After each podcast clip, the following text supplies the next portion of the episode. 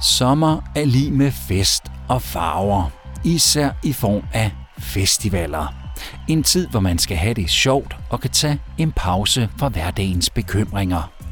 Det er et øjeblik, hvor du kan give slip, og hvor de udskejelser, der normalt er forbudte, er tilladt. Det er her, hvor fornøjelse og glemsomhed går forud for dagligdagens regler, og måske også for miljøhensyn. Eller er det nu så enkelt? For er der en modsætning mellem at gå på festival og tage grønne hensyn? Når vi kigger frem mod Roskilde Festival 2023, så har vi lagt et tema over det, som hedder Utopia. Og en, en utopi kan jo både være øh, uopnåelig, men lige præcis på Roskilde Festival, der tror jeg faktisk godt, at vi kan komme så tæt på en øh, utopi, som den grønne øh, fremtid øh, nogle gange ser ud til at være. Så øh, jeg tænker ikke, at der er en modsætning mellem dem, men tværtimod, så kan vi ligesom åbne fremtiden større og vise, hvordan fremtidens grønne samfund ser ud. Med det er døren åbnet til The Green Deal, podcasten, hvor vi stiller skarpt på den grønne omstilling herhjemme og i EU. I denne episode skal du med til en bæredygtig fest, en grøn festival. Sidst i udsendelsen spørger vi Roskilde Festival, hvordan man bærer sig ad med det, og hvordan en festival kan bidrage til at skabe mere fokus på bæredygtighed. Velkommen indenfor. Mit navn er Tue Sørensen. Efter år med pandemi over Europa, så var det nok ingen overraskelse, at festivalpladserne blev fyldt op i den forgangne sommer. Og de ser ud til at blive det igen til næste sommer. Men betyder det, at vi skal lade vores hår falde, at vi skal give slip på alt, inklusiv vores hensyn til miljøet? Det har vores kolleger fra BNR talt med Danita Saricinova om. Hun kommer fra Foreningen for the Earth i Bulgarien. Når jeg ser billeder af nogle festivaler, ligner det mere en miljøkatastrofe end en musikalsk og kulturel begivenhed. Men hvor er udfordringerne så for festivalerne? Hvor skal de sætte ind, hvis de ikke skal ende som det, Danica Sarichinova kalder en miljøkatastrofe? Det har vores kolleger på den belgiske radiostation RTBF spurgt Samuel Chapelle om. Han er direktør for La Simo Festival. En festival for alle generationer med musik, spil, workshops, fester og konferencer om bæredygtighed. Festivalen byder årligt velkommen til 30.000 deltagere i tre dage i en park i Engien i Belgien. Det første punkt generelt set er mobilitet. Der er mange køretøjer og mange mennesker, der bevæger sig rundt. Og så er der kunstnere og talere osv. Så det er i virkeligheden den første påvirkning. Den anden påvirkning er ofte tilknyttet til mad, fordi tusindvis af mennesker naturligvis spiser. Den mad skal produceres, tilberedes, forarbejdes og indtages, og den vil naturligvis generere affald. Og så er der andre elementer, der har mindre indflydelse. Det er alt det, der drejer sig om året rundt organisationen. For der er folk, der arbejder hele året rundt. Og det er alt det, der drejer sig om for eksempel kulisser, scenografi osv. I forhold til CO2-fodaftrykket, CO2-påvirkningen, er det egentlig først mobilitet og transport, som mad, og så i meget mindre grad andre ting. En festival skal betragtes i sin helhed i forhold til grønne tiltag.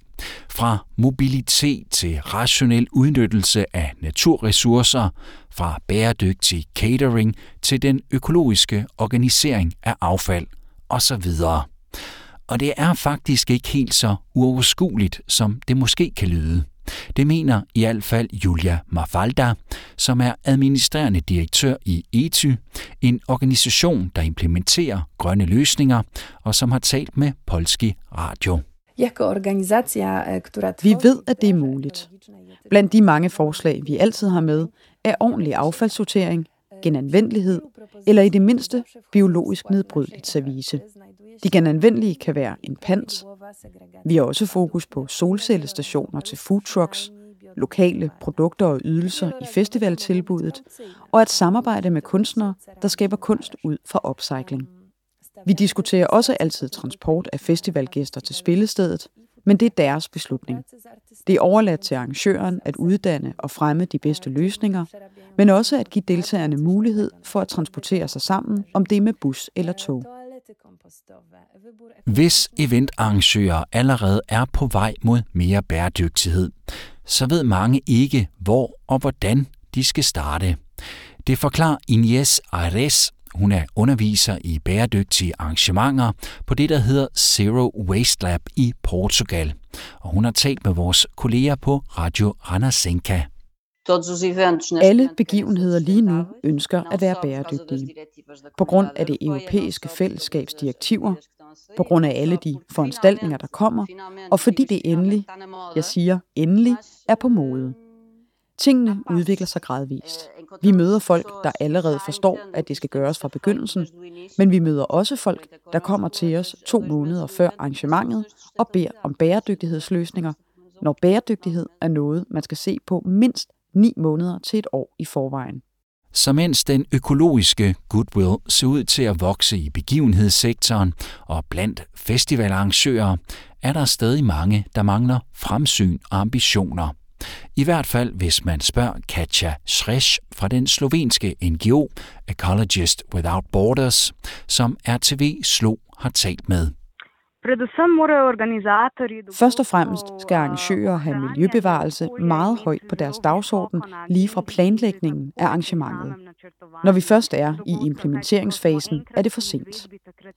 I starten af arrangementet skal vi tænke os om, om hvilket affald, der bliver genereret, og hvordan man undgår det. Hvordan kommer gæsterne til vores arrangement? Hvad vil de spise? Og hvad vil de gøre med den mad, der er tilbage? Kort sagt, planlægning og tænkning fremad, hvad der skal gøres.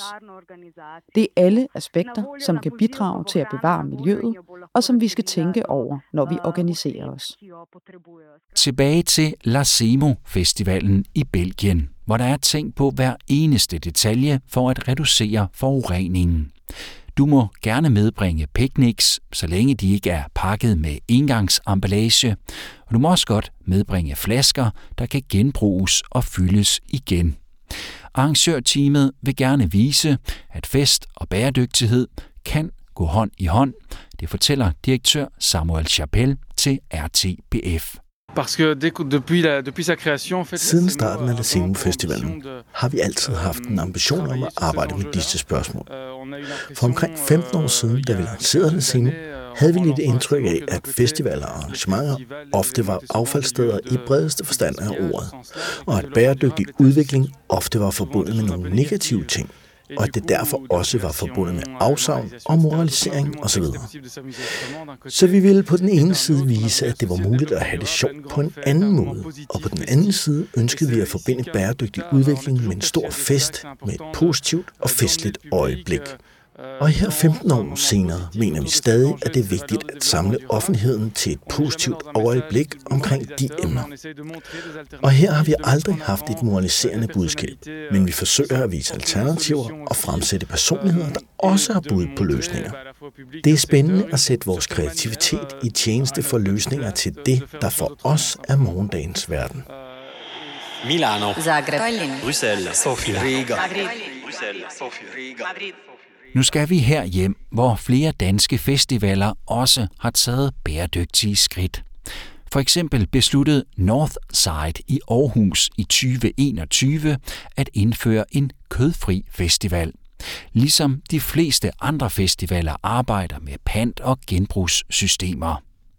Roskilde Festival var den første, der indførte et pantsystem og også begyndte at arbejde med biologisk nedbrydeligt bestik. Festivalen blev afholdt for første gang i 1971, dengang som Sound Festivalen, og var inspireret af den legendariske Woodstock Festival i USA. Når Roskilde i dag har fokus på bæredygtighed, er det helt naturligt, siger festivalens programleder for bæredygtighed, Sanne Stefansen. Det har nemlig altid ligget i festivalens DNA at forholde sig til tidens udfordringer Øh, som jeg opfatter øh, festivalens øh, historie og den måde, vi arbejder med det i dag, så ligger det sådan helt indgroet som en, en, en del af den organisation, vi er. Både når vi kigger, hvad der sker omkring os, men også når vi bliver mere bevidste om, hvor og hvordan vi kan være med til at skubbe på for den grønne omstilling. Så jeg tror, at det i høj grad også skal være, skal være med til at pege på, hvilke løsninger kan der ligge inden for den grønne omstilling. Så man kommer i kontakt med det og måske undrer sig, så tager det med videre tilbage i sin egen hverdag. Det handler i høj grad også om, at vi ser os selv som sådan en katalysator øh, for en, en øh, bæredygtig udvikling. Roskilde Festival ønsker dels at være et sted, hvor grønne iværksættere kan afprøve deres bud på grønne løsninger, men festivalen vil også gerne være aktivistisk og have fokus på, hvordan man kan kombinere den aktivisme med kunst og fællesskabet. Men det er én ting. En anden ting er konkrete tiltag. Derfor spurgte vi Sanne Stefansen, hvilke grønne tiltag Roskilde Festival arbejder med, og hvor hun mener, festivalen kan gøre den største forskel. Vi arbejder med en del tiltag, som jeg rigtig gerne vil komme med eksempler på. Jeg vil bare påpege, at jeg tror, at der at vi som festival og som fællesskab har den største effekt, det er, når vi samler 130.000 mennesker og kan give dem inspiration til at gå tilbage og bruge dem selv og deres virke i forskellige sammenhænge til at skabe og udvikle vores samfund i en grønnere retning. Men de eksempler, som jeg så gerne vil fremhæve, det er eksempel i 2022, der havde vi ingen dieselgeneratorer på Roskilde Festival til at drive vores midlertidige by. Så tidligere så har vi brugt øh, omegnen af 72.000 liter diesel til at sikre, at der var strøm til scenerne, og der kunne tændes for apparaterne i vores bøder. I et, øh, et rigtig tæt og stærkt samarbejde med øh, Ande, har vi formået at komme på elnettet. Og det vil sige, at vi bruger den strøm, som man bruger derhjemme. Og det er et, øh, det bedste alternativ til dieselgeneratorer. Noget andet er, at vi på festivalen i år reducerede affaldsmængderne betydeligt i forhold til sidste gang, vi holdt festival i 2019. Og det handler selvfølgelig øh, om, at vi har indført nogle forskellige tiltag. Det bliver muligt at lege sit campingudstyr, så for at tage sit eget med. Men jeg tror også i høj grad, at den mulighed for at lege også skabte en grobund for flere deltagere blev bevidste om, at man lige skulle sørge for at få sine ting med hjem. Men man kan sige, at det er i hvert fald to ting, hvor vi både kan se, at hvor vi selv tog initiativ til at gøre noget andet, og hvor det så også har haft den ønskede effekt. Som Sanne Stefansen forklarer, så viser festivalens egne tal, at man i 2022 reducerede affaldsmængden med 600 ton. Men hvordan sikrer festivalen egentlig, at de konkrete tiltag rent faktisk virker og er initiativer, der skubber i den rigtige grønne retning? Det kan man jo måle på forskellige måder. Der er jo selvfølgelig noget omkring CO2, som er rigtig vigtigt for os. Vi udkommer med vores første øh, CO2-regnskab for festivalen i år. Så øh, en ting er, at vi selvfølgelig i Danmark har nogle forskellige netværk, hvor vi går sammen for netop at følge udviklingen og sikre, at de ting, vi implementerer på vores festivaler, rent faktisk har den ønskede effekt. Noget andet er at orientere sig ud af og være med til at dele viden. Så vi, Roskilde Festival og andre øh, danske festivaler, er en del af et netværk, der hedder Green Deal Circular Festival, som er et hollandsk initiativ, som lige pt. rummer over 40 festivaler og begivenheder, som både går sammen om at have og lave, udvikle sådan nogle monitoreringsværktøjer, men samtidig også mødes i sådan nogle tematiske grupper og taler om, hvad kan man gøre på energi, hvad kan man gøre på vand, hvad kan man gøre på mad og drikke, for at sikre, at det rent faktisk har en, en, en god øh, effekt. Jeg tror aldrig, vi når hen til et sted, hvor det bliver altså hvor man kan sige, at noget er 100% bæredygtigt i sig selv, for det er jo altid i relation til et andet produkt. Så det er jo bare hele tiden at sikre sig, at det var bedre, end det var sidst, og så at måle på, øh, på de rigtige øh, konsekvenser og effekter af det. Roskilde Festival er på mange måder en institution i dansk kultur. Og når man er det, så mener Sanne Stefansen også, at man har et ansvar, både over for klimaet, men også i forhold til at påvirke de unge, som gæster festivalen.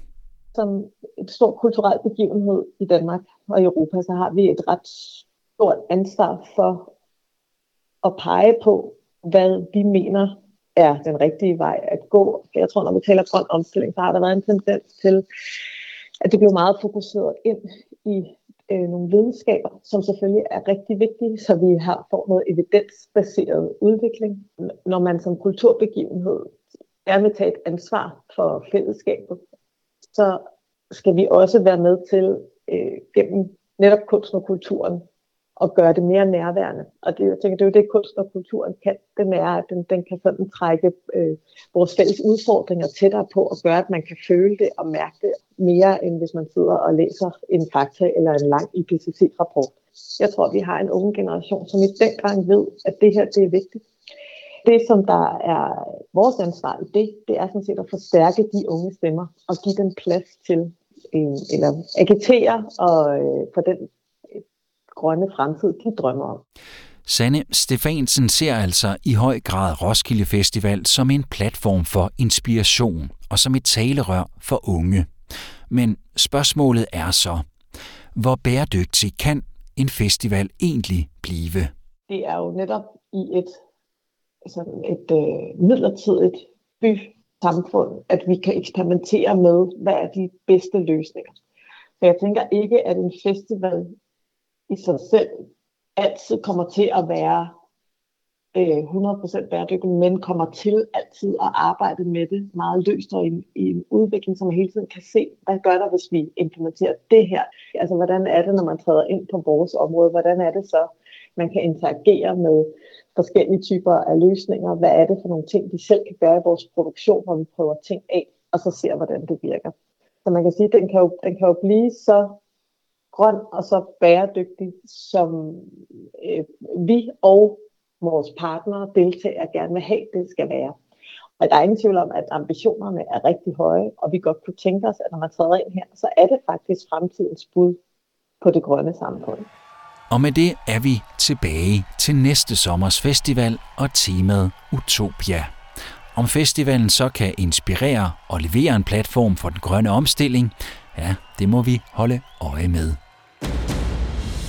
The Green Deal er slut for denne gang. Nikolaj Tvinge tilrettelagde festen, der er produceret af Pod People for Euronet+. Plus.